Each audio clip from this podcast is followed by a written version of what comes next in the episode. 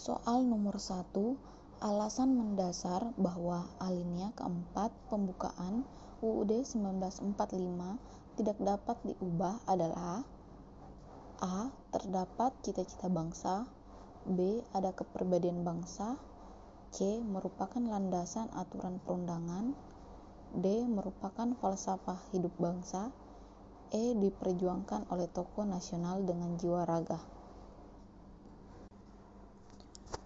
Jawabannya adalah D. Merupakan falsafah hidup bangsa Pasal 37 ayat 1 UUD 1945 menyatakan hanya pasal-pasal UUD 1945 yang dapat diubah. Sedangkan pembukaan UUD 1945 bukanlah termasuk pasal UUD 1945. Mengacu pada bunyi alinea 4 pembukaan UUD 1945. Di dalamnya terdapat narasi Pancasila yang menggambarkan bahwa Pancasila sebagai falsafah dan ideologi negara merupakan landasan sistem politik yang didasarkan pada kehendak seluruh rakyat dan merupakan sistem pemikiran yang tumbuh dan berkembang dari sejarah perjuangan bangsa Indonesia. Maka, sebagai falsafah, Pancasila mempunyai fungsi menjadi dasar orientasi bagi penyelenggaraan kehidupan nasional yang meliputi ekonomi, politik, sosial budaya, dan pertahanan keamanan. Soal nomor 2, berdasarkan amanat UUD 1945, presiden atau wakil presiden dapat diberhentikan oleh MPR apabila melakukan pelanggaran seperti yang tertera dalam peraturan perundang-undangan. Keputusan ini dapat dianggap sah jika telah disepakati setidaknya A setengah dari anggota MPR yang hadir, B. setengah ditambah satu dari anggota MPR yang hadir, C. 2 per 3 dari anggota MPR yang hadir, D. 3 per 4 jumlah anggota MPR, E. 25% dari anggota MPR yang hadir. Jawabannya adalah C. 2 per 3 dari anggota MPR yang hadir. Penjelasannya, pasal 7B keputusan MPR atas usul pemberhentian presiden dan atau wakil presiden harus diambil dalam rapat paripurna MPR. Dihadiri minimal 3 per 4 jumlah anggota dan disetujui minimal 2 per 3 dari jumlah anggota yang hadir. Pasal 37 UUD 1945 menyatakan agenda usul perubahan pasal-pasal UUD 1945 diajukan tertulis sepertiga jumlah anggota MPR untuk mengubah pasal-pasal UUD 1945 dihadiri 2 per 3 jumlah anggota MPR.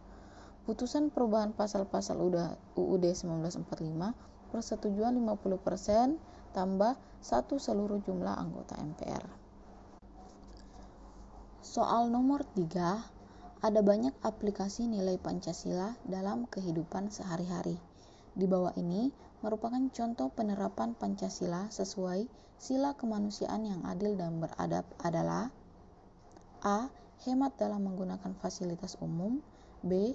Pemilihan umum untuk memilih pemimpin daerah C. Pemungutan pajak D. Hak setiap warga negara untuk mendapatkan pendidikan E. Saling menghormati terhadap pemeluk agama lain Jawabannya adalah D hak setiap warga negara untuk mendapatkan pendidikan.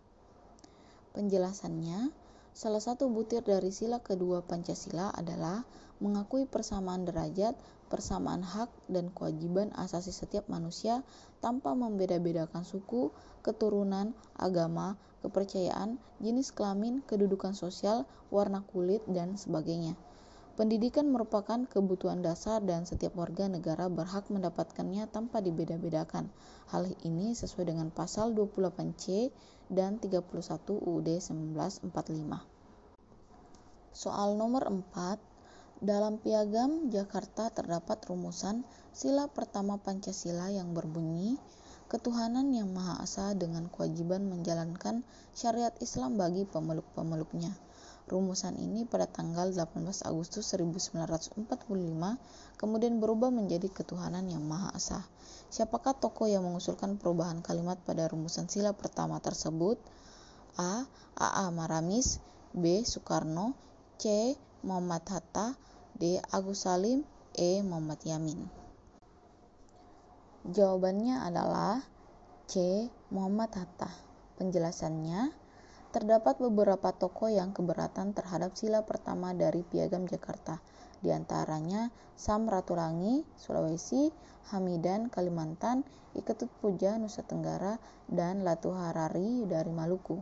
Dari kasus keberatan ini, kemudian pada sidang PPKI pertama, yaitu pada tanggal 18 Agustus 1945, Bung Hatta memberikan usul untuk mengubah kalimatnya menjadi ketuhanan yang Maha Esa, yang sebelumnya sudah dibicarakan dan dikonsultasikan kepada empat tokoh Islam yaitu Kasman Singodimejo, Ki Bagus Hadi Kusumo, dan Teuku M. Hasan. Akhirnya disepakati tujuh kata dengan kewajiban menjalankan syariat Islam bagi pemeluk-pemeluknya dihilangkan. Soal nomor 5. Pahlawan di Penegoro adalah pahlawan yang membela Nusantara di wilayah Yogyakarta dan Jawa Tengah. Ada penyebab umum dan khusus terjadinya perang di Penegoro.